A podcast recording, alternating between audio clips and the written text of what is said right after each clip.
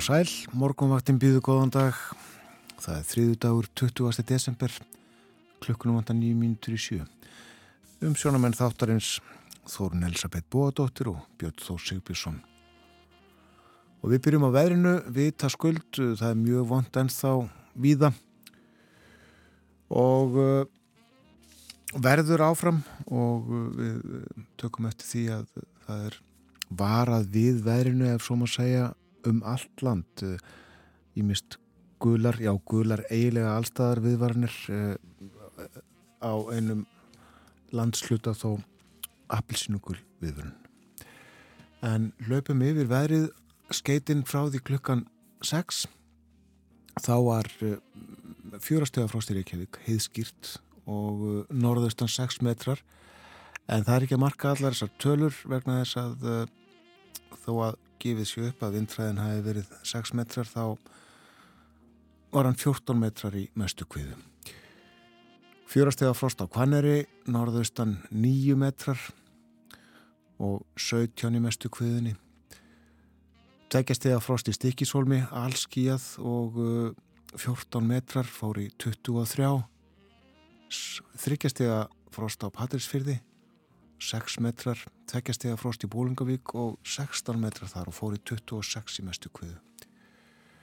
Kvast líka bæði í Littlu Ávík og á Hólmavík tveggjastega frost á báðum stöðum, snjójél í Littlu Ávík, 19 metrar á sekundu og fór vel yfir það. Þryggjastega frost við Blönduós og 8 metrar, tveggjastega frost á Söðanisvita og 18 metrar á sekundu þar. Þryggjastega frost á Akureyri þar snjóaði klukkan 6, 3 metrar en fór í 12. Þryggjastega frost á Húsavík, einstigs frost á Rauvarhöfn og 15 uh, metrar á sekundu þar. Sveipað á skjaldingstuðum hitti við frostmark og 16 metrar. Tveggjastega frost á Eilstöðum og norðan 11 til 18 metrar.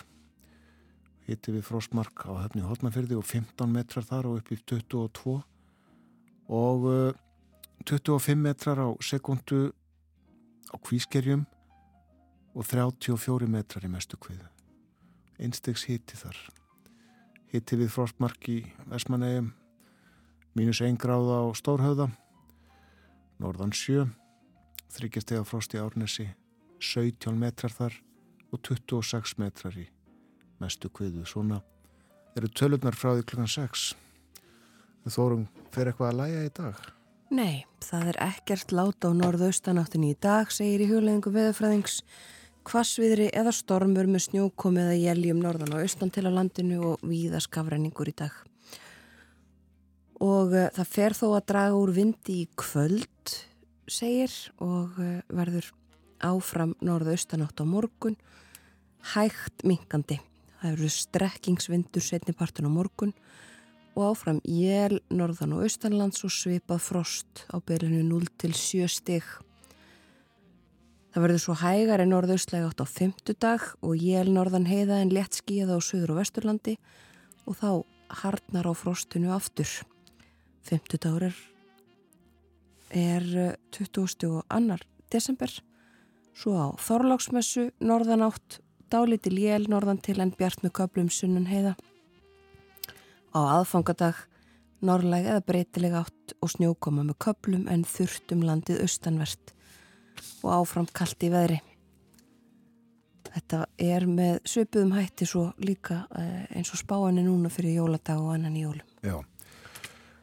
Og það eru já gular viðvaranir í eh, gildi um allt land nema á Suðausturlandi þar sem að viðvörunin er appelsínu gul til klukka nýju í dag þá tekur við gull viðvörun til morguns og uh, flestar þessar viðvaranir eru já ímist uh, í gildi fram á kvöld eða til morguns.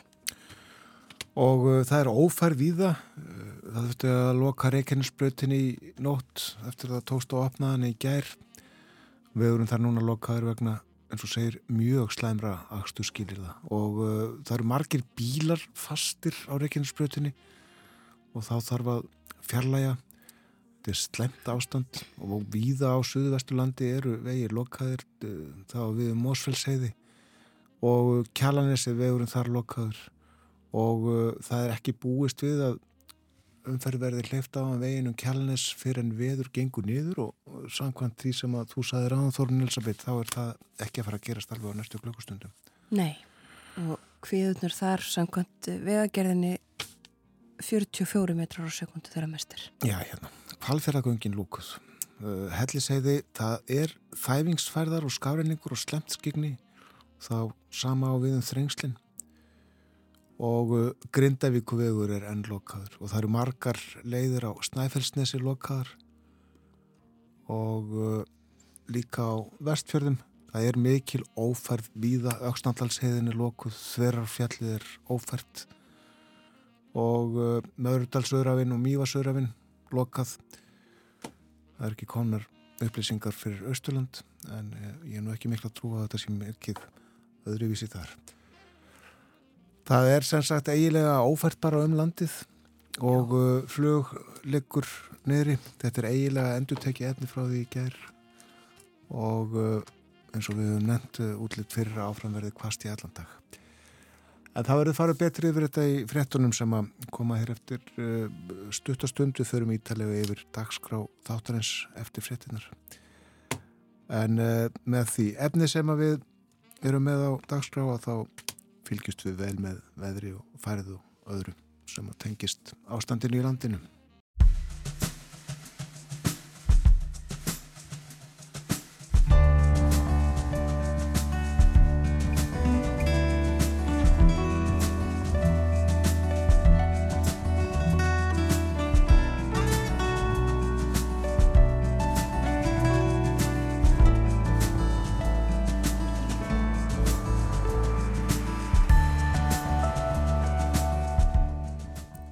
Morgumvaktin hilsar og býðu góðan dag. Það er þriðu dagur, 20. desember. Kuldakast og snjókoma síðustu daga hefur ólík áhrif á okkur. Sumir glæðast yfir almennilegum vetri en aðrir get ekki beðið eftir því að snjóa leysi. En til er fólk sem er með óþól eða hreinlega ofnæmi fyrir kuldanum. Björn Rúnar Lúðvíksson, yfirleiknir ónæmisfræði deildar landsbítarans, segir okkur frá kulda ofnæmi upp úr klukkan hálf nýju. Úr kuldanum í hlíuna, hvað er það hlýjasta í heimi? Já, það eru lopapeisur úr íslenskri ull. Það segir allavega þíska tímaritið Stern sem á dögunum byrti mikla grein um íslensku söðkindina og allt það góða sem henni tengist. Artur Björgun Bodlason segir frá henni og fleiru í spjalli eftir morgunfrettir. Þórður Snær Júliusson verður líka með okkur í dag.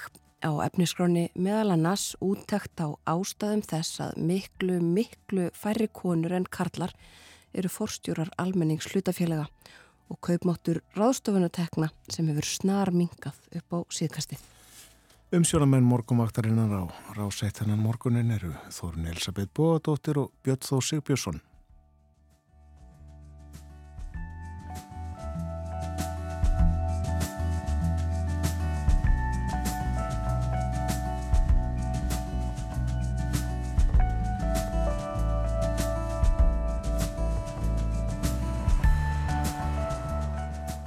Leðenda veður sem hefur sett stryk í rekning margra sem að ætluðu eða ætla að ferðast frá landinu eða til þess.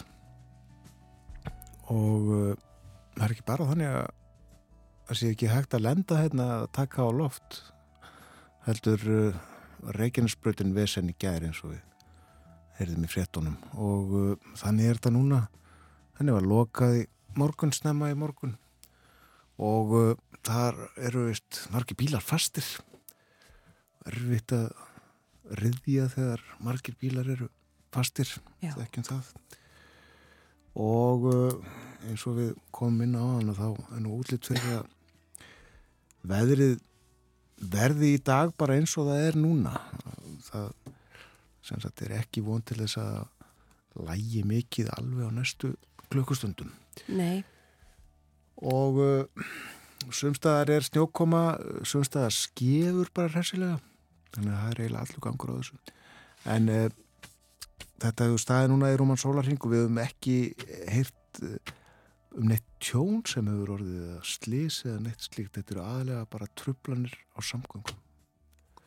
Já og uh, það verður já ekkert láta á þessari norðaustanátt í dag ekki fyrir í kvöld þegar fyrir aðeins að draga úr vindi. Og uh, verður norðaustan eða verða norðaustan 10 til 18 metrar á sekundu síðdegis á morgun.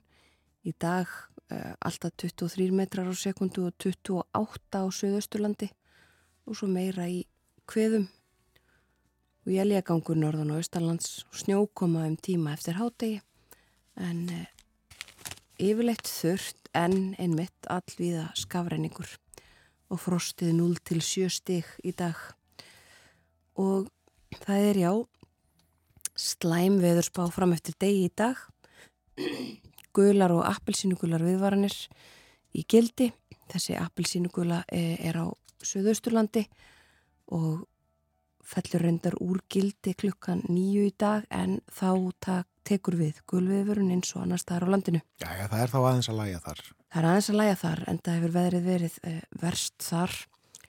Og uh, það er uh, alltaf 45 metrar á sekundu samkvæmt vegagerðinni á veðurstöðinni við kirkjubæja klaustur og ekki mikið ekki mikill munur þar á og á kjalanessi þar hefur vindur farið í 43 metra á sekundu og það er eru vegir lokaðir víða um land og það má búast við lokunum fram eftir degi, segir vegagerðin. Það er verið að kanna færðum allt land og best að já, skoða vel kortið, fylgjast vel með kortið yfir uh, vegina er meir og minna raukt eiginlega. Sem þýðir ófært. Sem þýðir ófært og hreinlega lokað. Já. Akkurat. Það eru margir pyrraðir út í flugfélögin og uh, líka út í, uh, má ekki segja, Ísafíða sem að sér hérna um flugstöðuna. Jú. Það er ekki, ekki verið vistlegt að hanga þar í gær. Lítill matur og kallt og fáir bekkir. Ekki gott. Ekki gott uh, og það voru nú rútur í gerðkvöldu og nóttur það ekki að flytja fólk úr flugstöðunni uh, en þetta er mikill fjöld það voru orðin gríðarlega röskun á flugsamgöngum og verður áfram uh, við heyrðum það í frettunum áðan að það á aðtúa með flug síðar í dag eins og staðinni núna á VF Ísafja þá hefur flestum flugum eða öllum flugum núna í morgunsárið verið aflýst eða frestað.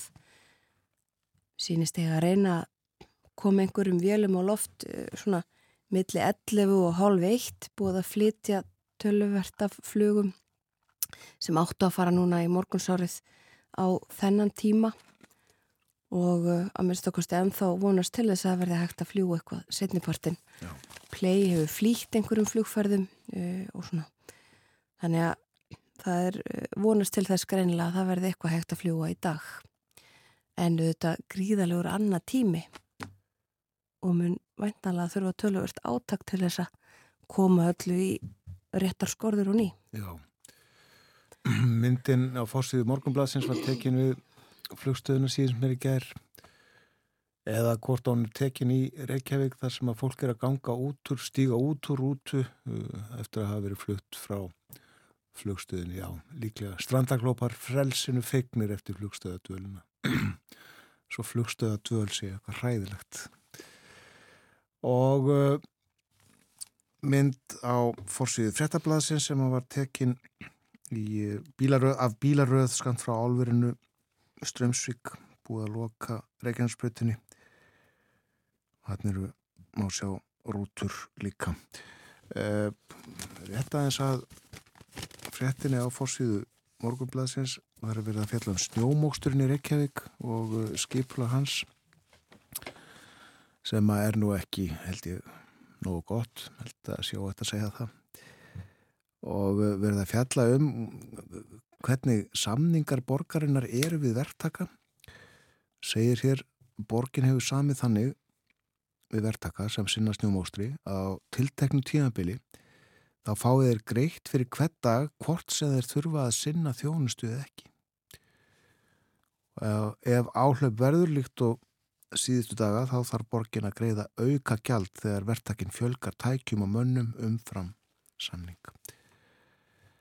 En uh, rætt við Alessandru Brím sem er formaður umhverfis og skipilsráðsborgarinnar og hún segir til skoðunar hvort þörf séu á endurskoðun og að skoða hvort það þurfi að endurskoða þetta.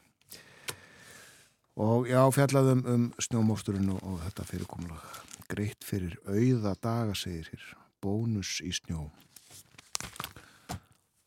Nú uh, högg af fjölskyldufólk er fyrirsvagnin á fórsíðu frett morgunblaðsins Borgarfulltrúi gaggreinir að leikskólagjöld séu hækkuð í annað sinna á þremur mánuðum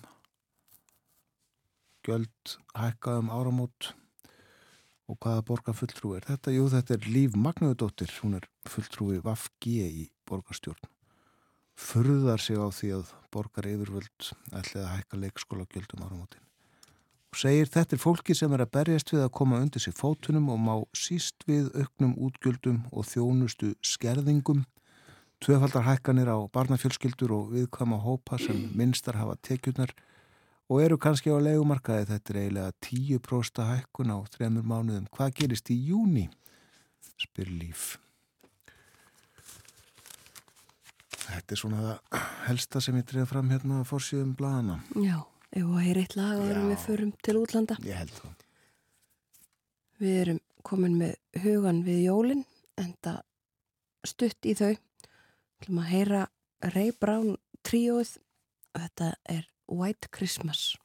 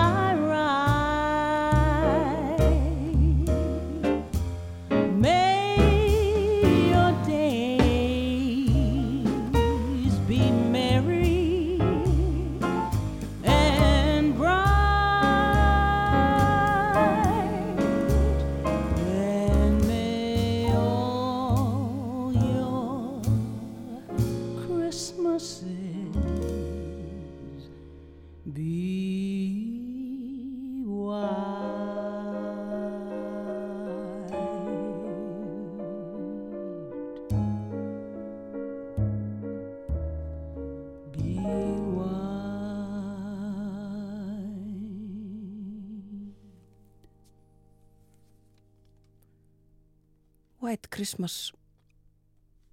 Þetta er Ray Brown tríó og Vanessa Rubin sem að söng.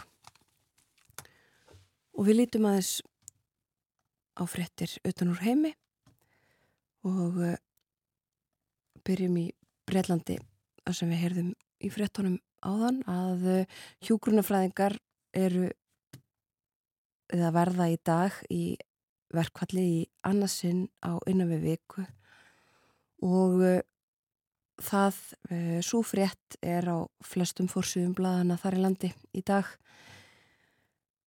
Og uh, alls konar útleggingar á þessu máli. Ég mist ákall til fórsættisráþurans um að setjast við samningaborðið ganga frá þessum málum. Svo er líka talað um verkvæl sem að eru áformið á morgun sem eru hjá sjúkraflutningamönnum og öðru starfsfólki í sjúkrabílum. Sagt eh, hér í einni fyrirsögninni að það sé ekki hægt að ábyrgjast það að fólk fái sjúkrabíl, jafnvel þó að hringt sé vegna eh, heilablóðfalls eða hjartaáfalls eða slíkra mjög alveglegra atbyrða. Eh, það verði einhvers konar lottó upp á það hvort að sjúkrabílar eh, verði eh, til tags sagt, lottó eftir eh, postnúmerum og búist við mjög erfiðu ástandi eh, bæði sannsagt í dag inn á spítólunum og á morgun. Var að við því að uh, þetta ógni mannslífum, fjölda mannslífa en Rissi Súnak forsættisráð þeirra Breitlands hefur sagt að hann uh, muni ekki gefa sig, það sé ekki hægt að verða við kröfum um meiri launahekkanir heldur en bóðið uh, stjórnvöld hafa bóðið nú þegar.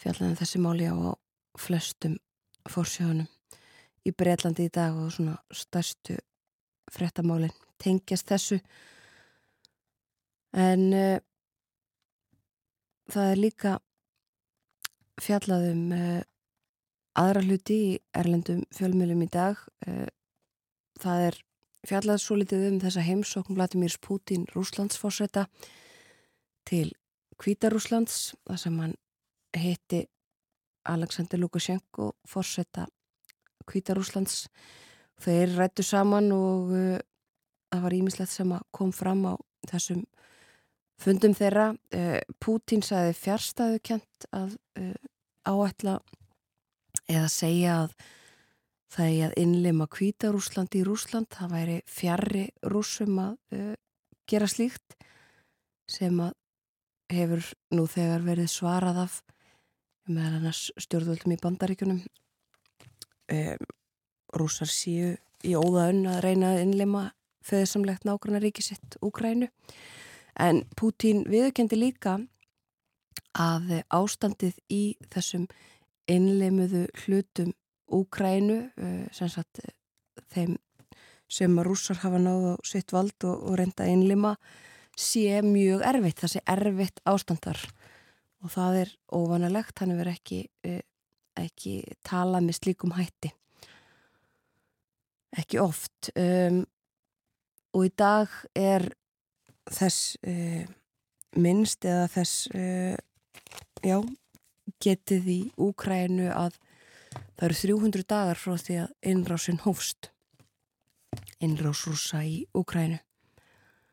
Og uh, fjallaðum það töluvert. En svo eru það þetta bandarískar fréttir mælt með því að Donald Trump verði ákerður uh, fyrir fjögur brot tengslu með árásun á þinghúsið í Washington í fyrra. Þetta er þessi þingnemt uh, í fulltróðdelt þingsins sem hefur verið að rannsaka, rannsaka þessa atbyrði þarna 7. januar 2021 og uh, mælti með þessu í gær. Það er svo uh, dómsmálaráðunetið sem að tekur ákverðin, fær þessa, þetta álit nefndarinnar til sín og uh, ákveður hvað gerist. Það var líka lagt til að það verði skoðaði möguleikin á því að gefa út ákjærur á hendur fimm bandamönnum Trumps um, meðal annars lögmanni hans og uh, starfsmannastjóra.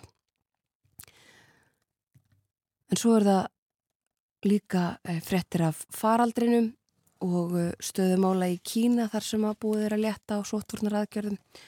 Sagt frá því í kýmurskum fjölmjölum og öðrum erlendum að það sé nú verið að reyna eins og hægt er að fjölga gjörgjæslurímum, fjölga fólki á vöktum og spítölum og uh, auka uh, livja kost uh, vegna þess að COVID-19 smitum fjölgar gríðarlega um allt land þeim hefur fjölgað síðan að ákveði var að hætta þessari núlstefnu stjórnvalda í Kína og þetta hefur reynd verulega á innviði í Kína. En uh, það líður að yfirleiti morgunfrétta hjá okkur á morgunvaktinni. Það kemur eftir rúmar 5 mínútur og uh, að því loknu þá verður sestur hérna hjá okkur Þorður Snær Júliusson, rittstjóri Kjarnans. Ímislegt á dagskráni hjá okkur í dag. Artúr Björgum Bodlason verður líka með okkur eftir morgunfréttinar klukkan 8. Náttúrulega meðal annars að tala um íslensku söðkindina eða umfjöllun um hana í þýskum fjölmjölum og svo endur lókþáttar þá kemur til okkar Björn Rúnar Lúðvíksson hann ætlar að segja okkur frá kulda ofnæmi það er til fólk sem er með raunvurulegt ofnæmi fyrir kulda. Hvernig ber þetta fólk sig að í kuldanum á Íslandi? Rúnar segir okkur frá því upp á klukkan hálf nýju en fyrst leipum við yfirleiti morgun frétta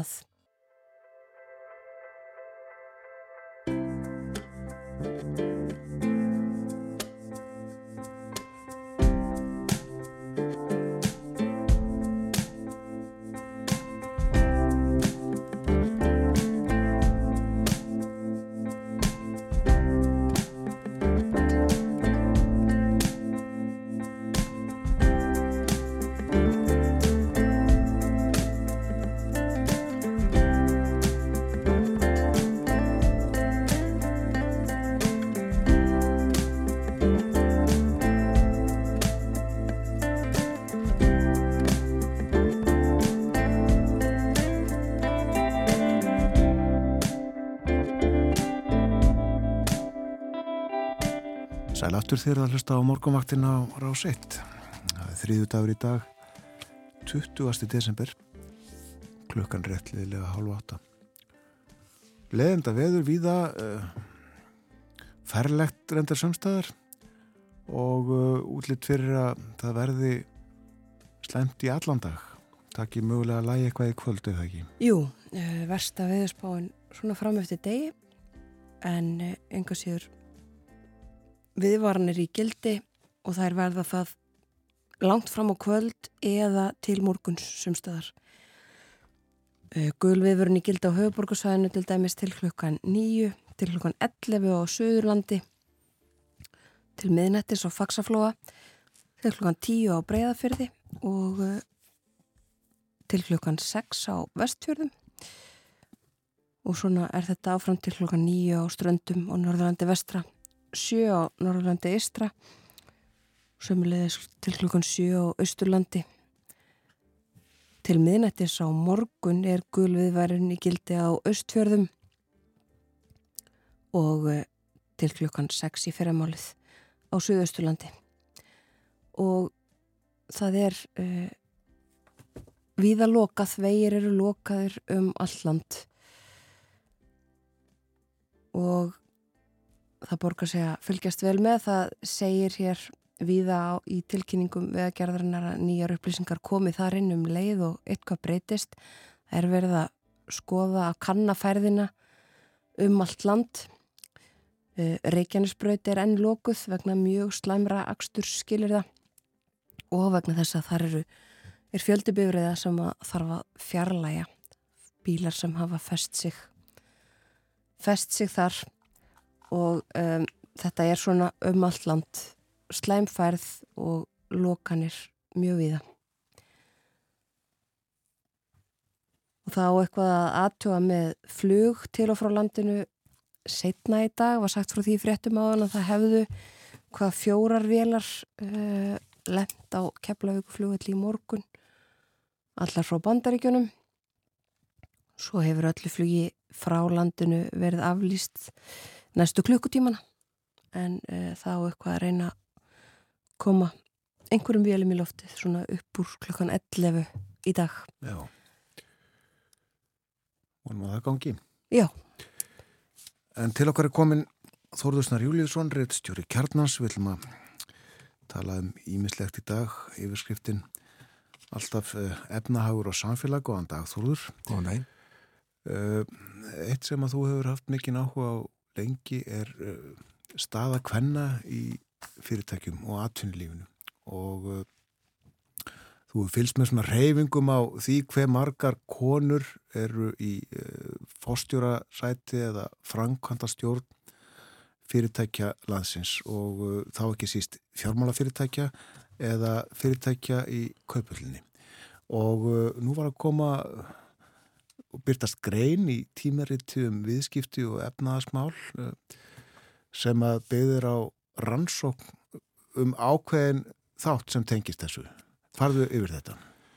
já, uh, það var sagt gerð rannsókn, það eru hérna eins í fræðimenn eða fræðkonur upp í háskóla sem uh, framkvæmdur rannsókn, uh, Ástættis Óladóttir, Sirun Gunnarsdóttir, Þóra H. Kristjansen og Erla S. Kristjánsdóttir, professorar og aðjungtar uh, og eitt dósent, uh, tóku viðtöl við sagt 22 stjórnarkonur í skráðum félögum á Íslandi uh, og uh, rættuðum þær um fórustu hefni, tengsla neitt, stuðningi konur og, og til þess að gegna fórstjórastöðum og annað slíkt uh, og ástæðan fyrir því vantarlega þeim hefur þótt þetta áhugavert að vita hver framgangur hvenna er uh, á þessu vettvangi er sá að hér uh, lengi vel eftir endurreist íslenska hlutabriðamarkaðarins eftir hrun var ein kona fórstjóri og henni var sagt upp störfum í ágúst 2016 og frá 2016 og fram á síðasta sumar 2021 það var engin kona, það voru bara kallar sem stýrðu skráðum félögum á Íslandi.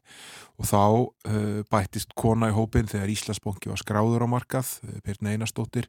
Síðar bættist uh, Margrét Tryggvadóttir hjá Nóa við þegar Nóa var skráð á markað og fyrsta konan sem var unnulega ráðinn sem forstjóri skráðs fyrirtækis á Íslandi hérna í háa herrans tíð uh, var Ásta Fjölsteð þegar hún var ráðinn forstjóri festist núna í september 2022 og það eru 30 félög skráð á, á íslensku markaðin að markaðinu First North. Eh, þannig að þarna eru þrjár konur og það er hafa komið hinn hérna allra síðustu metrunum og uh, það þýðir að 90% af öllu fórstjórnum eru kallar og uh, það sem var verið að gera í þessari rannsókn eða byrtist grein um niðurstöðu hennar í uh, tímarétu viðskipt og efnaðasmál sem kom út í gær var að kanna hvaða er sem uh, veldur þessu, hvort það sé mögulega eitthvað sem tengist hæfni eða annað slíkt sem veldur þessari skekkju. Og niðurstöðunar síndu að svo var ekki að segja stjórnakonunar töldu að konur væru alveg að hæfar eins og kallar til þess að gegna fórstjórastöðum uh, ástæðan fyrir því að þær voru ólíklegri til þess að hljóta uh, þessi störf, að vera valin í þessi störf var í freka svo að áhrif kalla, tengslanett og íhaldsama staðalímyndir af fórustu hefni kvenna og árangusíkir fórustu þeirra virtust ráða ákvörunum frekar en uh, kannski hefni þeirra til þess að sinna störfun Já. og uh, þetta er auðvitað mjög aðtilsvert í raunlega maður hérna, þýðir þetta af, af svona kurtisu fræðimáli. Uh, yfir á mannamál þá er eh, verið að segja að svona áhrif og tengslanett kalla og eitthvað svona fyrirfram gefnar hugmyndur um það hvernig konur eru sem stjórnendur gerir það að verkum að við erum með þessa skekkju. Þetta er bara eins og uh, var talað um að, að væru ástæðir fyrir sambarilugu fyrir 20 árum. Og talað svona um, um svona kallaklefa stemningu einhvern veginn sem að myndaðist kallarnir færu saman í veiðiferðir og uh, hafa mikið talað um þetta einu svona manni og, og þetta verðist vera bara áfram svona. Já, það verðist vera þrátt við höfum auðvitað sett hér uh, sko lög sem áttu að íta þessum málum uh, aðeins fram á við uh, hérna kynjakóta lög sem voru samt í 2010 og tóku gildi 2013, það er tíu ár næsta haust frá því þau tóku gildi. Og samkvæmt þeim þá þurfa að vera ákveðni kynjakótar í stjórnum félaga að ákveðni stærð og þau markmið hafa aldrei náðst og þessu tímambili sem lögin hafi verið í gildi. Það er í rauninu lengin hérna færð ekkit uh, það gerist rauninu ekkit ef þú uppfyllir þau ekki. Það er ekki refsing. nei það er engin refsing uh, fyrir því. Og uh, hugmyndin var sagt að þetta myndi þá að þá þau áhrif ef að fleiri konur kemist í stjórnir að það myndi skila sér niður í það að fleiri konur eru, fleiri, fleiri konur eru stjórnendur. Og þetta hefur gengið að minnst að kosti mun hægar en, en, en, en vonir stóðu til og menn þú myndist á það í byrjun við hefum gert það á kjarnanum eh, í nýju ára að taka stöðuna á hvernig kynja hlutuðl eru á meðal þeirra sem stýra peningum á Íslandi, við erum útækt á fjármálafyrirtækjum og lífeyri sjóðum og skráðum félögum og ymsu sjóðum og svo frammeðis og þar er eh, niðurstaðan meira og minna alltaf svona svo sama, svo síðasta útæktin sem við gerðum í ár, þá var 91 kall í, í, í þessum sætum sem við tökum til en 13 konur Uh, heldur þetta breytist eitthvað á næstunni? Uh, já, ég ætla að leifa mér að vera uh, alveg bjart sýtn á það að þetta muni breytast.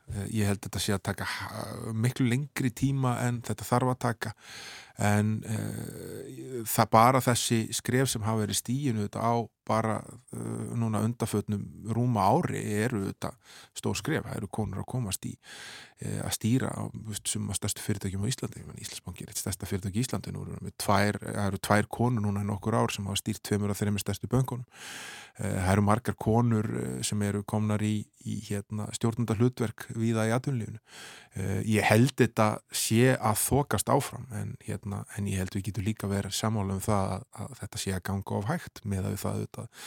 Konur eru uh, helmingur íbúa á landinu og, eða það er um bil og uh, konur eru uh, meiri hluti þeirra sem útskrifast með háskólagráður og eru að menta sig til slíkra starfa. Þannig að einhver staðar eru við með einhverju svona, það er einhverju fórbókaði vekkir hérna sem eru að hindra það að, framgangunni sé í samræmi við við þá hefni sem þær eru að byggja upp en ég ætla nú að leifa mér að vera bjart sýtna á það að, hérna, að þetta hafist á endanum Það talaði eins um krónunar okkar. Þórun. Já, eh, það komu nýja tölur, það er, er það ekki ársfjórðungslega sem að er, eh, eru skoðar eða byrtar þar að segja tölur yfir eh, kaupmátt ráðstöfunar tekna. Það eru peningarnir sem við fáum í vasan. Uh, já, rástöðunar tekjurnar sem hérna, þess að þegar búið að draga uh, skatta og gjöld uh, frá því sem við þjenum og það voru byrta tölur, Hagstofan byrti tölur í, í, í síðustu viku um það hvernig þetta þarf og þau heyrum þetta oft hérna sérstaklega þegar kjæra samningar eru uppi að, hérna, að það þurfi að, að hérna, ráðstöðunatekjur þurfa að halda í við verðlag og annars slíkt. Og það þýðir í gróndráttum það bara að peningar sem við höfum eftir eftir við búin að borga okkar til samneislunar e, þurfi að halda sama vergildi og, og hérna og, og, og vörurnar og þjónustan sem við kaupum. Verja kaupmáttinn. Verja kaupmáttin uh, en uh, ég held að það auðvitað uh, fer ekki fram hjá neinum að við erum hérna svona í niðurseflu uh, varðandi þessa hluti. Er verðbólgan er hán 9,3% hún var, uh, hérna verðlag er að hækka mjög víða. Og í fyrsta sinn Uh, síðan í lokást 2012 og 2013 gerðist það núna á þriðja ásfjónungi sem lauk núna í hérna uh, í lóks eftember að uh, kaupmáttur ástöðuna tekna dross saman tvo ásfjörunga í röð. Það er að segja að hann mingaði líka eða drost líka saman á öðrum ásfjörungi þess ás og þriði ásfjörungi drost hann saman um 6,1% sem er umtalsvert. Og það er mesti samdráttur sem hefur mælst á þryggja mánu tímarbeli innum ásfjörungi frá lokum ás 2010 eh, við skulum samt hafa í huga uh, að á árunum á undan svona yfir lengri tímabil þá hefur kaupmáttur aukist mjög hratt hérna á Íslandi. Eh, og, og hérna og farið meðal annars yfir sko yfir 12% á ásfjörningi eh, hérna eh, fyrir ekkit svo löngu síðan. Eh, en þetta er auðvitað áhyggjöfni þegar þetta gerir svona skart. Núna tvo ásfjörnunga eruð er annars vegar kaupmátturinn dreigir saman 2,7% og svo 6,1% núna á þriði ásfjörnungi og alveg væntingar til þess að, að þessi samdráttur eh, geti haldið áfram. Auðvitað við munum sjá núna þegar launahækkanir eh, vegna gerða, gerða kjærasamlinga sem duga frá fyrsta nóvumber eh, koma inn í hvað áhrif þær hafa. Talandum kjærasamninga uh, það var, uh, var yfirgnefandi stuðningur við samninga starfskræðarsambandsins allkvæða greiðslinn lögger. Uh, það virtist koma mér sé að for, formanni sambandsins svolítið á óvart hvað þetta gekk vel. Að, að, hérna, að þeir voru samþittið með yfirgnefandi meiri hluta en uh, kaupátturinn þetta er mikið leikil hugtak, þetta skiptur öllu máli. Já, já, verðgildi krónunar það, það, það er auðvitað bara þannig. Þetta skiptir bara uh, þetta lýs, kaupáttu lýsi því hvað hver getur keift fyrir tekjuna sínar. Akkurat. Og þegar uh, hann drags saman þá getur þú keift minna fyrir tekjuna hennar það er bara þannig e, þá döga krónunar í vasanum hjá okkur sem við fáum útborgaðum hver mánamót fyrir e, færri maturum e, minna hlutfalli af, af húsnæðiskostnaði Uh, minni magni af því eldsniti sem drýfur áfram þau faratæki sem við komumst frá ATB með og svo framvegs Já. Þannig að hérna, uh, þetta auðvitað, snertir alla og þetta lýsir ágætlega auðvitað, stöðu bara launafólks þegar, hérna, þegar kaupmáttur er að draga saman svona skart á svona skömmum tíma. Það er mikilvægt að vakta, vakta kaupmáttunum þessa þróun. Fjálulega næsta ás voru samþitt á alþingi á föstudaginn. Hvað er gatið stórt? Þetta er bleið 120 miljardar og Ísland er að fara að slaga upp í 1300 miljardar er að segja útgjöldin. Uh, og, og það er áígjöfni að hérna hvað hallin er mikill. Uh, við erum þetta ekki enþá í COVID ástandi, COVID aðgerinnar eru runnar út það er auðvitað einhverjur er að hafa tekt sér inn á þetta ár. Þetta er mikill halli og, og það sem kannski veldur mestum áhyggjum er hvað vakstakostnaður ríkisins er að fara að hækka langt fram yfir áallanir að fara 40-50 miljardar yfir áallanir á þessu ári og, hérna, og er að hækka mikið á næsta ári og, og, og í nýlum uh, tölur sig sá hérna í grein hjá samtökum atvinnulífsins uh, kom fram að hérna að sem hlutfall af landsframleyslu þá er vakstakostnaður Íslenska ríkis svo hæsti á meðal og setjir ekki. Það átt að vera skulda hlutfallið, það er að hlutfall skulda af landsframleyslu sé eh, bara mjög bærilegt hér á Íslandi og undir öllu viðmum þá er eh, vakstakostnarinn að aukast mjög, mjög, mjög skart og það þýðir einfallega bara að aflenga því að þetta vextir að hækka út um allan heima dýrara fyrir ríkið að endur fjármagna þær skuldir sem uh, það er að hérna, stopna til. Og svo erum við auðvitað með hérna, innlenda skuldabrjámarkaði með verðtriðum uh, útgáfum og slíku. Og það er allt hérna, mjög dýrt vegna þess að þar uh, borgar lántakandin verðbætur alveg svo þeir sem taka verðtrið húsnæðislán og, hérna, og ríkiskuldar aðeins í verðtriðu þannig að hérna, þetta er ágjöfni að við erum að eða 20 miljardar meira í vexti Já. á ári en, en lagt var upp með Já.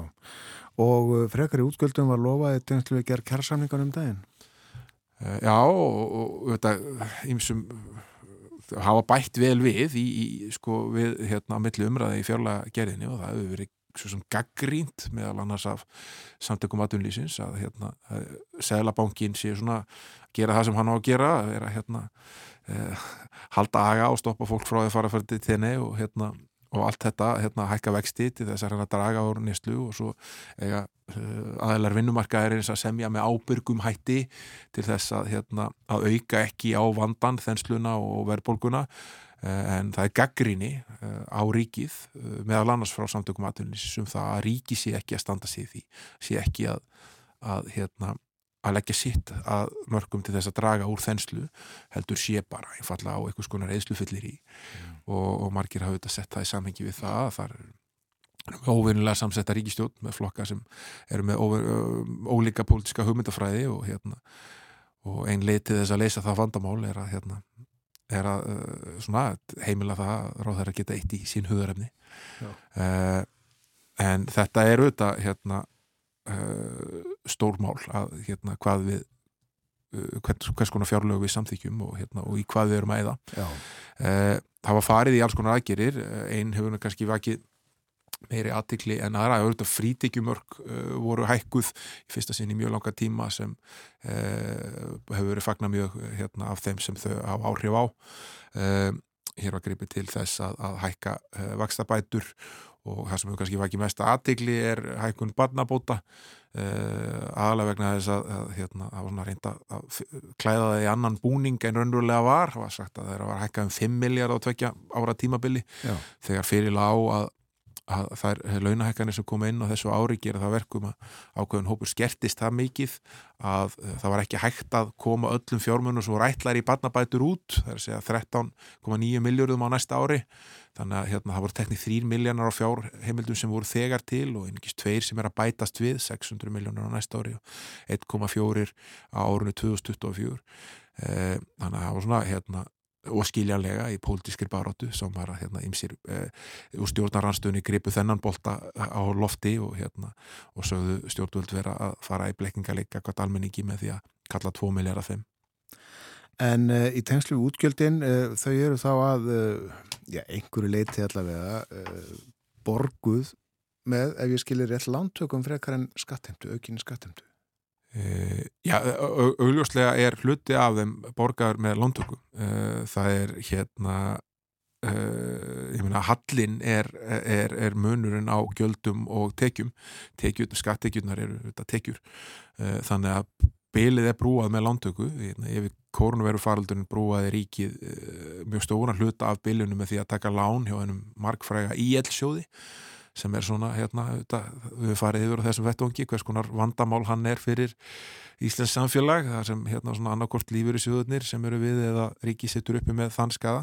Þannig að ríki tók lán hjá honum á bara ákveðnu vöxtum og hérna til þess að brúa stóran hluta af sínu gati á koronaviru tímum en uh, getur ekki tekið mikið meira lán hjá honum þannig að það þá þá fjármagning sem bara einfallega á hefbundin máta með hérna útgáfu ríkiskuldabræða eða uh, eignasölu það er hægt að selja eignir og það er, skulum heldur ekki gleyma því að inn í þessu fjárlögum er gert ráð fyrir því að selja Íslandsbanka sem er alls ekki uh, búið að myndast kannski pólitísk sátt eða niðurstaða um og ef að það tekst ekki, ef það er ekki farið í það ferli á næsta ári, þá þarf að uh, brúa það byrj líka í, í lofuðum útgjöldum með aukinni landtökum. Það eru tvíir viljarar sem ættu að koma þar. Já, það er á vel á 820 miljardar sem er reiknað með það og sennilega er, er ef við myndum selja allt sem er eftirstandað í Íslandsbanka þá er það vana á allu tala.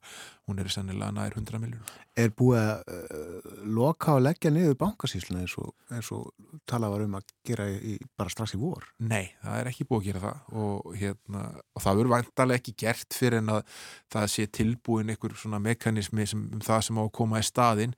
Mér er svona ósennilegt að það veri gert fyrir en að uh, það svona heyrist uh, eitthvað úr frá því sem fjármála eftir litt Seðlabanka Íslands hefur verið að rannsaka á hvort að koma einhver ábendingar úr, úr uh, þeirri rannsókn eða skoðun sem þurfa að taka tillit til þegar um, svona nýtt kerfi um það hvernig að selja fjármálafyrirtæki í eigu almennings verið sett upp. Og að því þú nefndir íelsjóðin uh, laust þar er ekki í sjónmáli. Uh, þvert á móti heila. Í þvert á móti og lífyrsjóðnir eru einfallega að ganga frá að ganga út úr þeim viðræðum sem voru bóðar ekkit frumvarp var lagt fram uh, núna áður að þingi laugum það uh, hérna eins og svona kannski var í að að, að, að fjármála efnaðsaráður myndi gera um það hérna hvernig þetta leysa ef ekki næðu samningar. Og, og málið eru þetta í algjörum nút núna hérna keppast deilu aðilar við uh, um, um það að leggja fram uh, lögfræði álit eftir hérna eftir fólk sem hérna það telur merkilegt á lögfræðisviðinu og hérna og skilmist með þeim uh, telur réttinn sín megin en hérna það er, ég held að sé algjörlega óhætt að segja að þetta er mjög erfitt uh, pólitíst og efnaðslegt úrlausnarefni sem er ekki fyrirsjáanlegt eins og stendur hvernig á að leysa Takk að ég kellaði fyrir í dag, Þóru Snar Júliusson. Takk. Þóruður Rittstjóri Kjarnas er með okkur á þrjú dögum fyrir yfir ímislektir varðar efnahag og samfélag, efnahagsmál, viðskipti, peninga. Framöndan eru fréttir, fyrst auðlýsingar, eftir fréttirnar verður Artur Björgvinn Bollason með okkur. Við ætlum að tala um ímislegt þýst, en líka íslensku söðkindina, meira en það á eftir. Og milli hálf nýju og nýju ætlum við að tala um kulda og hvernig hann fer mis, já, illa í okkur. Sumt fólk er hreinlega með ofnæmi fyrir kulda, læknisfræðilegt ofnæmi. Meirum þetta upp úr klokkan hálf nýju.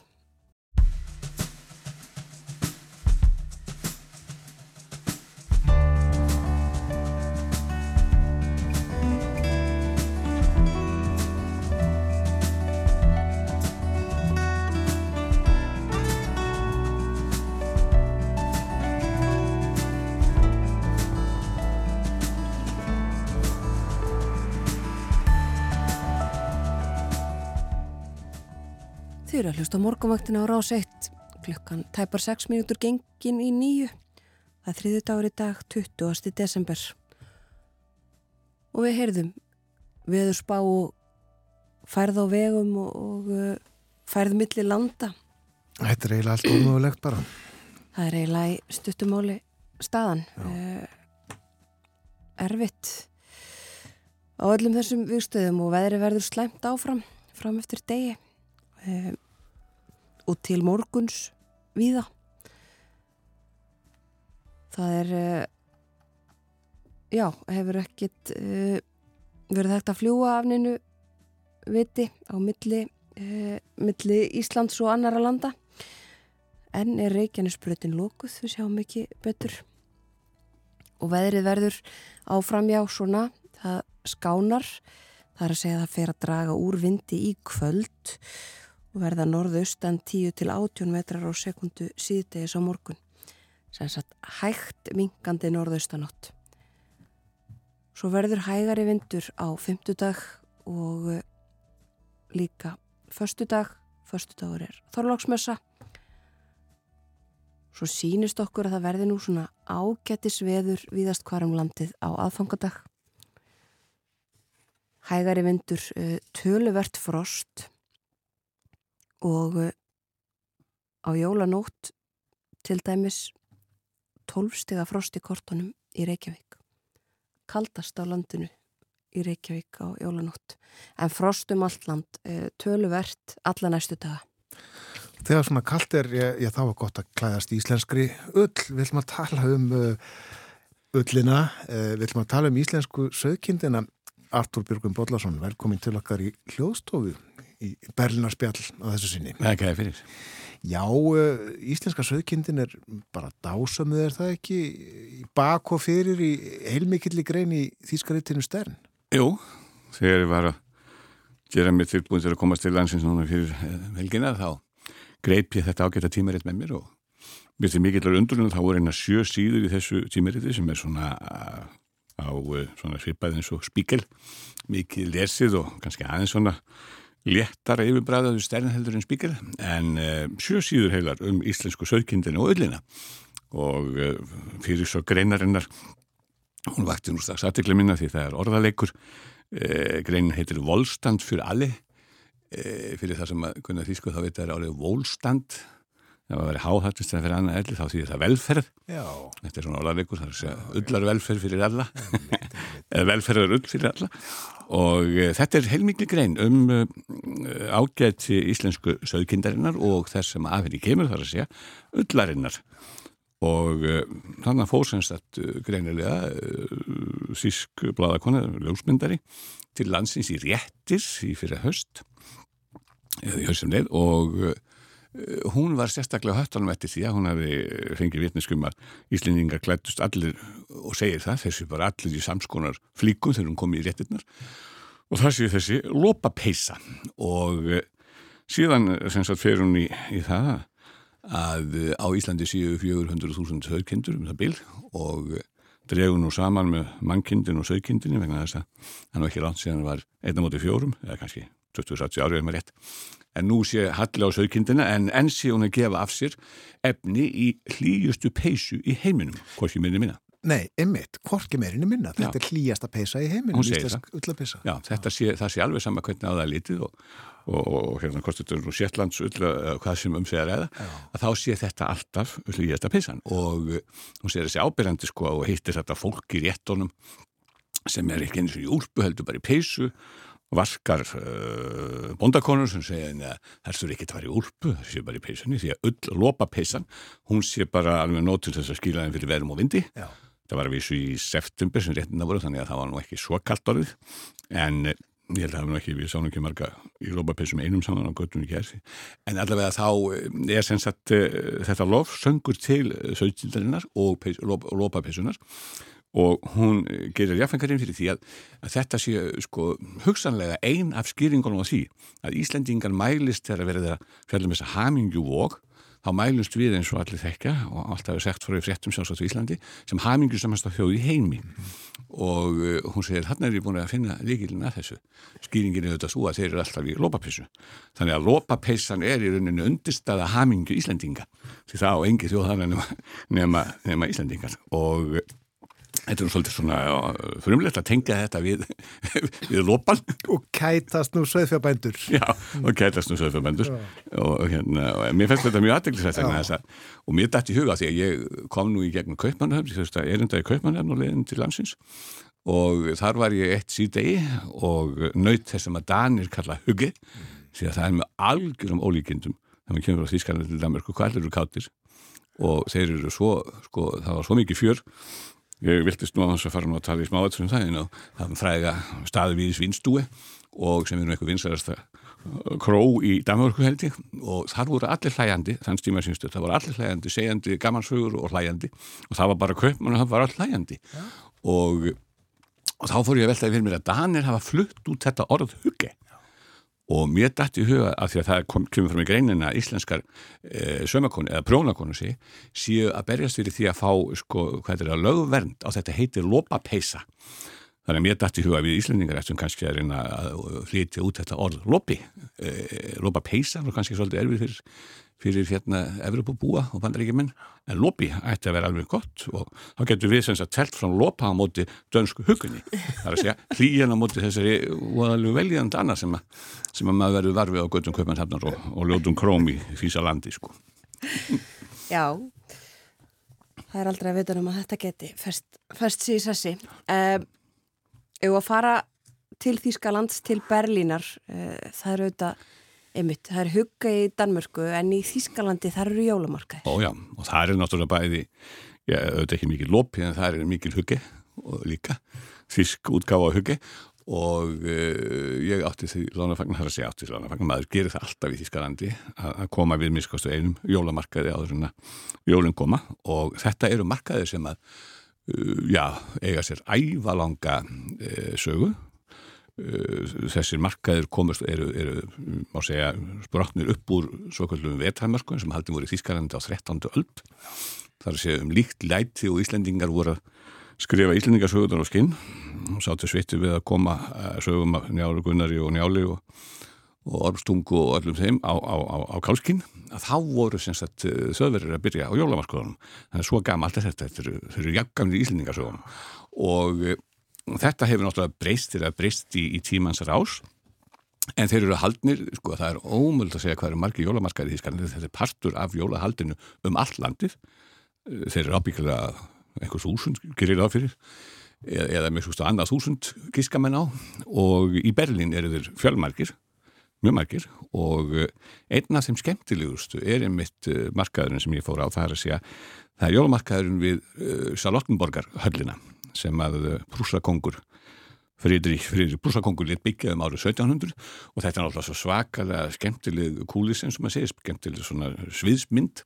Þú kemur þarna og hefur uppljómaða höllina í bakgrunni og þarna eru ótrúlega fjöldi bása þar sem þú getur keft allt bæði fyrir hugan og hjartað og sinnið og, og gómana glatt bæði góma og, og sinni. Og uh, þú getur sem sagt fengið þarna handverk sem er, hefur verið selt á þessum vetramarkuðum alveg frá því á fyrir öldum í gegnum aldinnar. Það voru fyrst og ennast handverks og matarmarkaðir vegna að það voru að harna í ári sem sagt þegar fóru að líða á náttúrulega veturinn og þá komu allir bændundir saman til þess að selja fólki eitthvað gott að borða og kjött og svona og þetta er að kaupa handverk og þetta er að kaupa ótölulegan fjölda af uh, réttum líka náttúrulega, þú getur etið í gegnum þannig að marka þannig að þú stendur á blýstir þú færið eitthvað í hverjum bás og kemst ekkit yfir það. Þannig að þetta er, og þarna er stemningin mjög skemmtileg. Þannig að fólk á öllum aldri og uh, fólk er náttúrulega að ordna sér á, á jólaglögg og ymsu svona líka. Og uh, það hefur ekkit verið sérstaklega kalt í Þískalandi uh, svona í aðrænda jólana nú menn sáttur nú út alveg fram í oktober, þetta var mjög hlýr vetur framan af svo þetta komið svona lítið sattar frost og, og hittin lekkað en, en þetta voru bara allir, eins og ég sé það voru ekki merkið þarna í lopa en fólk bara býr sér vel og, og hangir þarna alveg eina, tvær klukkstundir Já, já. og alveg sérstaklega skemmtir þetta að rápa þarna um og, og, hérna gæða sér á því sem þarna er og, og það er alveg eitt sem ég tók eftir sem er alveg sérstaklega mikil partur af jólunum í Þýskalandi alltaf. Og það eru þessi litlu leirhús sem þau byggja elur séð svona með svona mm, lítil hús, það eru kirkjur það eru eftirlíkingar af frægum byggingum þýskum og höllum og líka kótum og uh, þetta er mjög vinsalt og er á öllum þýskum heimilum um jólin og menn endur nýja húsi sitt eða fá kannski ráðhúsi í Berlín eða nýflusti þangað eitthvað leðis í svona litlu formi sko, lítið líkon gerður úr leir og afskaplega skemmtilegu verningur og svo náttúrulega eru þau með, eru þau með þarna alls konar fína flíkur og, og en sérstaklega náttúrulega er það auðvitað kræsingar að þetta er bara borðnar því að Svonum minn sagði á sínum tíma þegar hann kom uh, rétt farin að, að tala til Þískalands, hann var ekki búin að vera lengi í, í landinu þegar hann sagði, heyrðu þetta, pappi, er mikið mataland Þískaland og uh, það er orðað sönn og það reynir maður og sann reynir maður hann ég fór einmitt með dóttur minni, við fekkinni fórum á þannig markað og, og uh, hún er nú svona eins og ungar stúlkur eru alltaf að gæta sína á því sem að, því sem að menn átt á hann í sig og það er svona eins og eins og fara gerir, en uh, hún sagði nefn pabbi, sko, ég, ég sleppi mér nú algjörlega hér, þetta sé þess að matapása þannig að þetta er eiginlega þannig að það er ekki hægt að hafa heimil á sér, það er bara þannig. Og það þýr ekkert að hugsa um neina línur en það slíkt. Þegar við fara á jólamarkaði þá verða það að vera hömlulausir, því að það er ekkert manna að ræða, en, og gott að vera í lópan áttur Og fastu liður hjá mörgum þjóðurum á aðendunni að fara á svona marka og Já, gera, já. gera við, vel, vel við síðan mat og drikk. mikið til dæmis líka svona hópar, starfshópar og svoleið sem fara saman Artur Björgvin, þú uh, valdir tónlist fyrir okkur til þess að leika og það með uh, engum, en, en, engri smástjörnu, heldur stórstjörnur hennilega. Já, vegna þess að eh, núna fyrir skömmu þá gáfu börn út og Jürgensáluga sem var ein mest, ein mesta söngstjarta Þískarans á síðustu, já, síðustu 100 árin, 80 árum má maður segja. Hann eh, fættist 1934 og dó áttræður 1914. Eh, hann var 2014. Nei, 2014 ekki, 2014 eh, að hann hérna var eh, einhver skærasta stjarnar, söngstjarnar Þískarnas hann var dægulega söngvari en átti það til að syngja líka ballur og hefur komið í ljós svona, þau voru að gefa út börnina sko 61 lag sem hafði aldrei verið sett á diska eða komið út áður. Mörg hafði hann flutt á tólningum og svona. Og uh, þetta er sko, menn hafa verið að skoða hans uh, sönga, textlætin er nú eftir mann sem heit Kunze flestir uh, þar að segja Jörg, Óttu Jörgens gerði lögin og setti þessu í hendunar þessum ágæta kunsi uh, og þeir sönduð á svumiliti saman. Og þetta lag sem að uh, ég var að veltaði fyrir mér að við myndum uh, hlusta á er lag sem að heitir Gríðisö væn eða Grístvín, hver einasti þjóðverið náttúrulega sem kominn er að bleiðu aldrei, hann þekkir þetta lag vegna þess að þetta hefur glumið í þýskum þýskum eirum og, eirum hlustandi þýskalandi í fjölda ára. Og er eitt af hans vinsæristu lögum og þetta er svona Ég áttaði mikið á því fyrir lungu senna þetta lag er í rauninni mjög áhugavert um, lag sem er með svona grísku ívafi um uh, svo kallarðan gastapæri, farandverkamann, grískan sem kemur til Þískarans uh, og uh, er svona að uh, með heimþrá og fyrir hann á barinn og það er svona skuggi yfir honum því að hann er að hugsa til uh, ættingja og vina í Greiklandi og þetta er svona, þetta er svona svolítið orðið svona söngur farandverkamannsins á Söður Evropu þeir hafa náttúrulega sett mikið marka á því stjólíf og, og kannski hefur þeim ekki alltaf liðið vel í sálinni að vera svona langt frá sinni heimabið en þarna er út og Jörgens að sína svona, má segja, samhigð með þessu lagi, með þessum hópi fólks. Við hlustum á það. Takk fyrir í dag, Artur Björgum Borlusson. Þessum leiðis.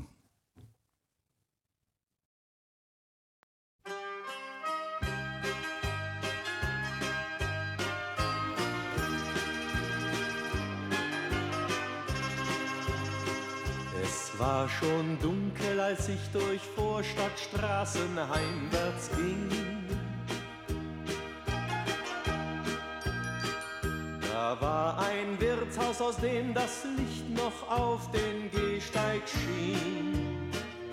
Ich hatte Zeit und mir war kalt, drum trat ich ein. Da saßen Männer mit braunen Augen und mit schwarzem Haar. Aus der Jukebox erklang Musik, die fremd und südlich war. Als man mich sah, stand einer auf und lud mich ein. Griechischer Wein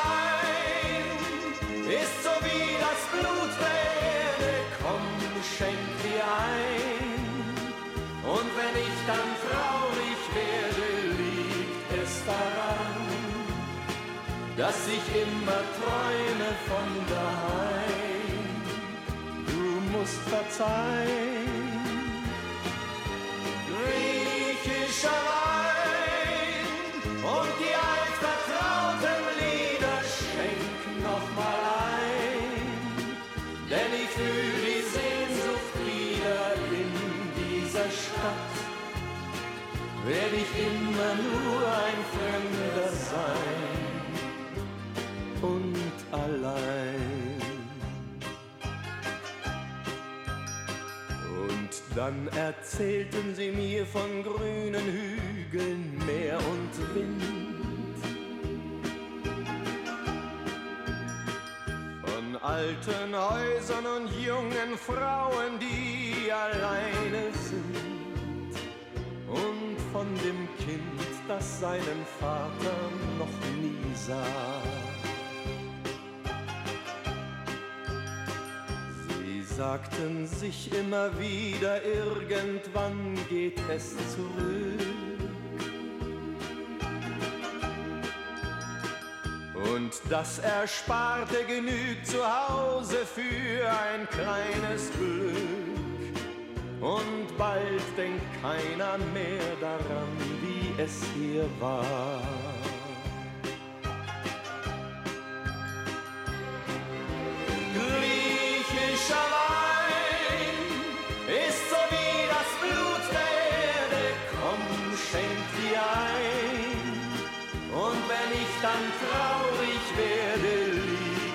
Daran, dass ich immer träume von daheim. Du musst verzeihen. Griechischer Wein und die altvertrauten Lieder schenk noch mal ein, denn ich fühl die Sehnsucht wieder in dieser Stadt. Werd ich immer nur ein Fremder sein und allein.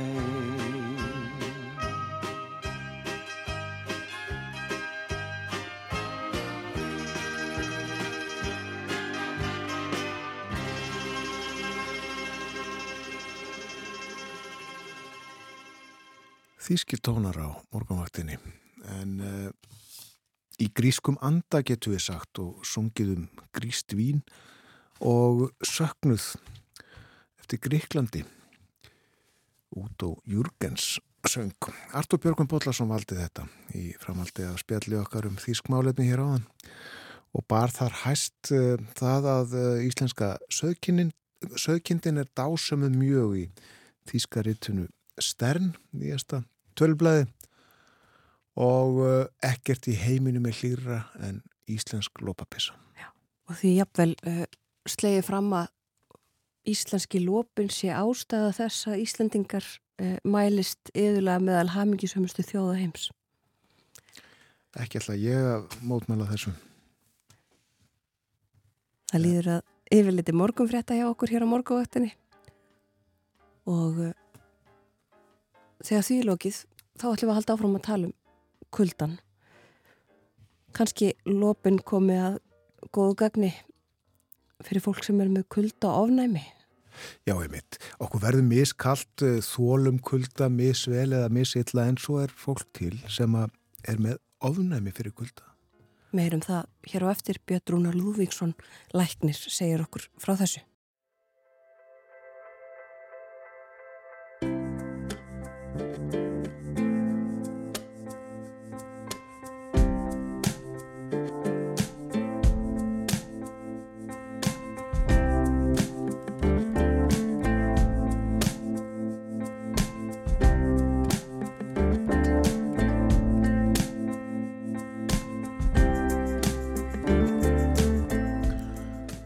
Aftur þér að hlusta á morgumvaktin á rás 1.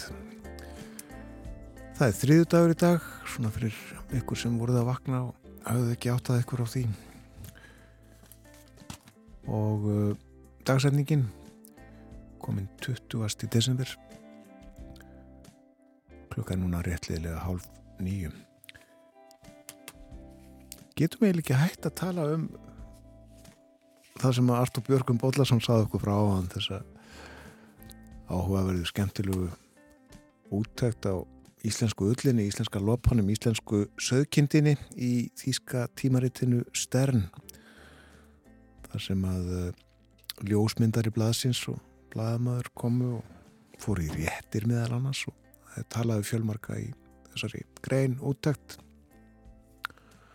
og uh, íslenska lopa peysan svo, svo hlýjasta sem völ er á og uh, því veldu upp hvort að svona almenn vellíðan Íslandinga, hamingja hvort uh, reykja mig í hamingju þjóðarinnar til lopapeysunar, til lopans? Ég skal ekki segja. Veðurhorfurnar já þær eru svona norðaustan 15 til 23 metrar á sekundum kvassar á Suðausturlandi vindræðin þar að 28 metrum. Og það er snjókoma fyrir norðan og austan og uh, þurft annar staðar víða þó skafrenningur en frostið að sjö stigum. Og uh, góðu frétnar eru þessar. Það fer að draga úr vindi í kvöld. En á morgun er vindræðin samt að 18 metrum setnipartin á morgun norðaustan átt. Já vetrasólstöður eru á morgun og þá verður frostið að 8 stígum og uh, fjölmarkir vegir á landinu lokaðir, ófærir sumsi og uh, það á til dæmis við um Reykjanesbrautina og uh, það á við um vel flesta fjallvegi landsins heiðar og uh, þó þar sem ekki er lokað að þar er erfið færð skafreiningur slemt skiknið til dæmis á við um helliseiði séu á tilkynningu um ástandi þar frá því um sjöletið í morgun. En uh, þetta var um uh, veður og færð. Margir sem að býða eftir að uh, komast í flug. Og já, óvist enn og ekki þetta að segja til um það hvernig flugi verður hátt að hvort yfirleitt hægt verður að fljú eitthvað að ráði í dag eða hvort öllu flugi verði frestaði að senka til morguns, við vonum ekki vonum að uh, þetta lægist allt saman og hægt verði að koma fólki á milli staða, á réttan stað og uh, láta þessar samgöngur ganga fyrir sig með eðlurum hætti. En uh, hún er ekki skemmtileg vistinn í flugstöðu Leifs Eiríkssonar. Þar hefur ekki, uh, hafa ekki verið gerða ráðstafanir uh, til þess að uh, hafa já, til þess að, að fólk geti hafst þar við ef eitthvað svona kemur upp á allt matarlöst í gær og kallt í húsinu og fáir bekkir en uh, vonandi hefur fólki tekist að uh, ráða bóta því í dag?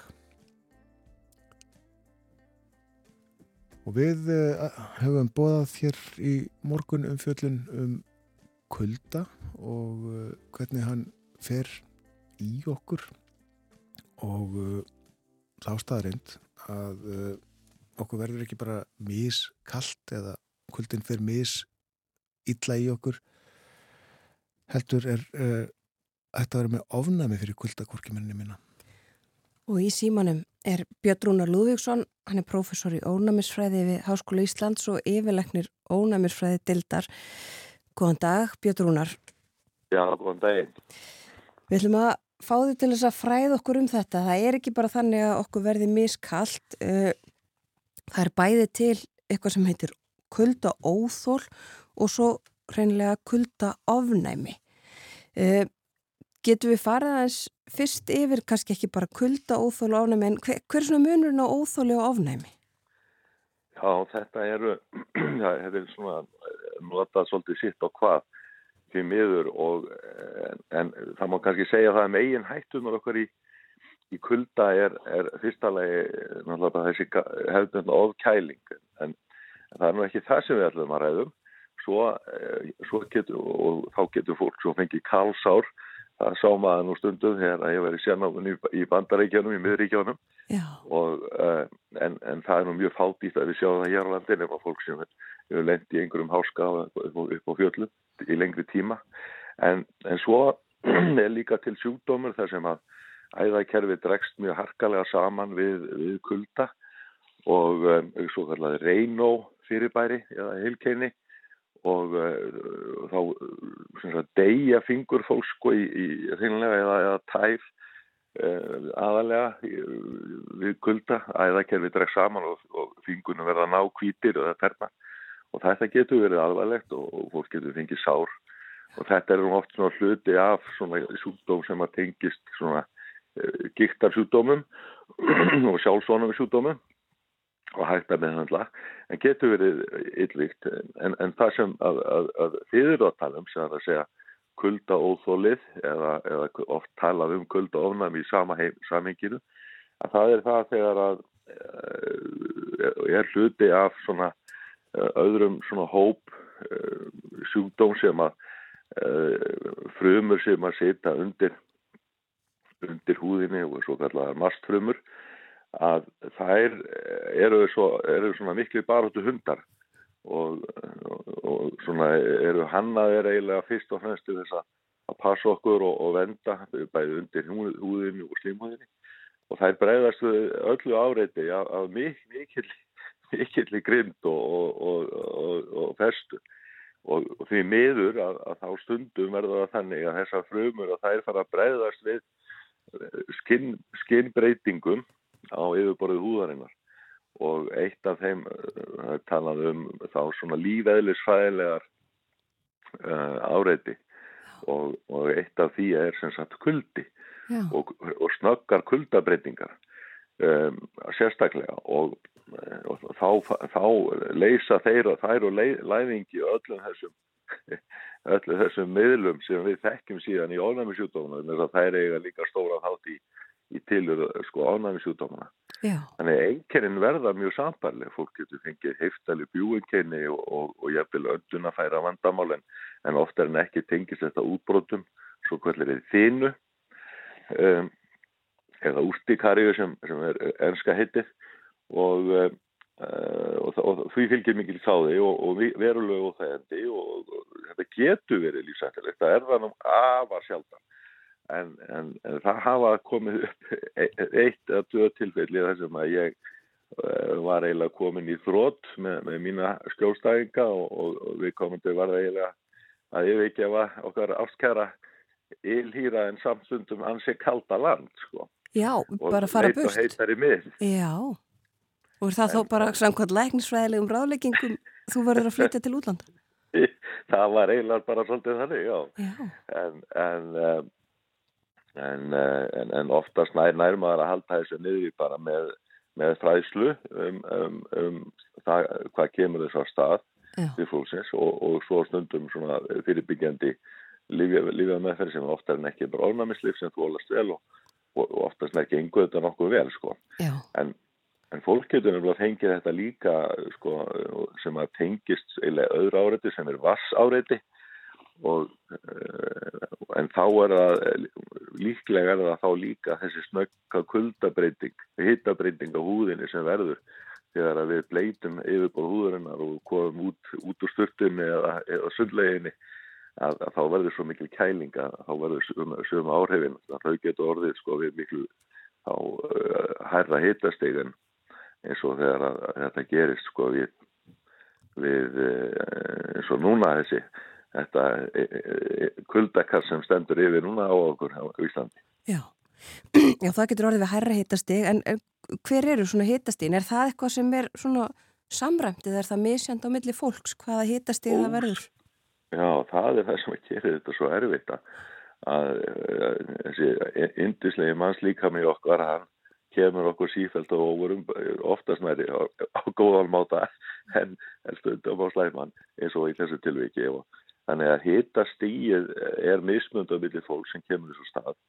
Um, og það getur líka verið mismunandi hjá einstakling eftir því hvers konar uh, á, ástandi hann er. Og þá er það ekki, ofta en ekki þá tengt álægi og og svona streitu sem að, sem að fylgir nú þessu amstri og það er nú mikil streyti káki hjá okkur núna í Já. þessu blessaðu aðvendu undirbúningi jóla og hátíðarinnar.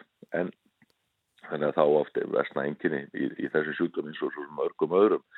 En, en um, þannig að þetta getur verið, verið snúið. En, en auðvitað tengist þetta aðalega svona miklu frostorkum og, og, og slíkur sko. Já, og fólk sem er þá með uh, svona ofnæmi, þú nefndir að jú, ofnæmislif væri oft bara mjög uh, góð en, en þar fólk bara halda sig inni eða er þetta spurning um að klæða sig vel? Hva, hvað getur fólk gert sem að er með svona ofnæmi?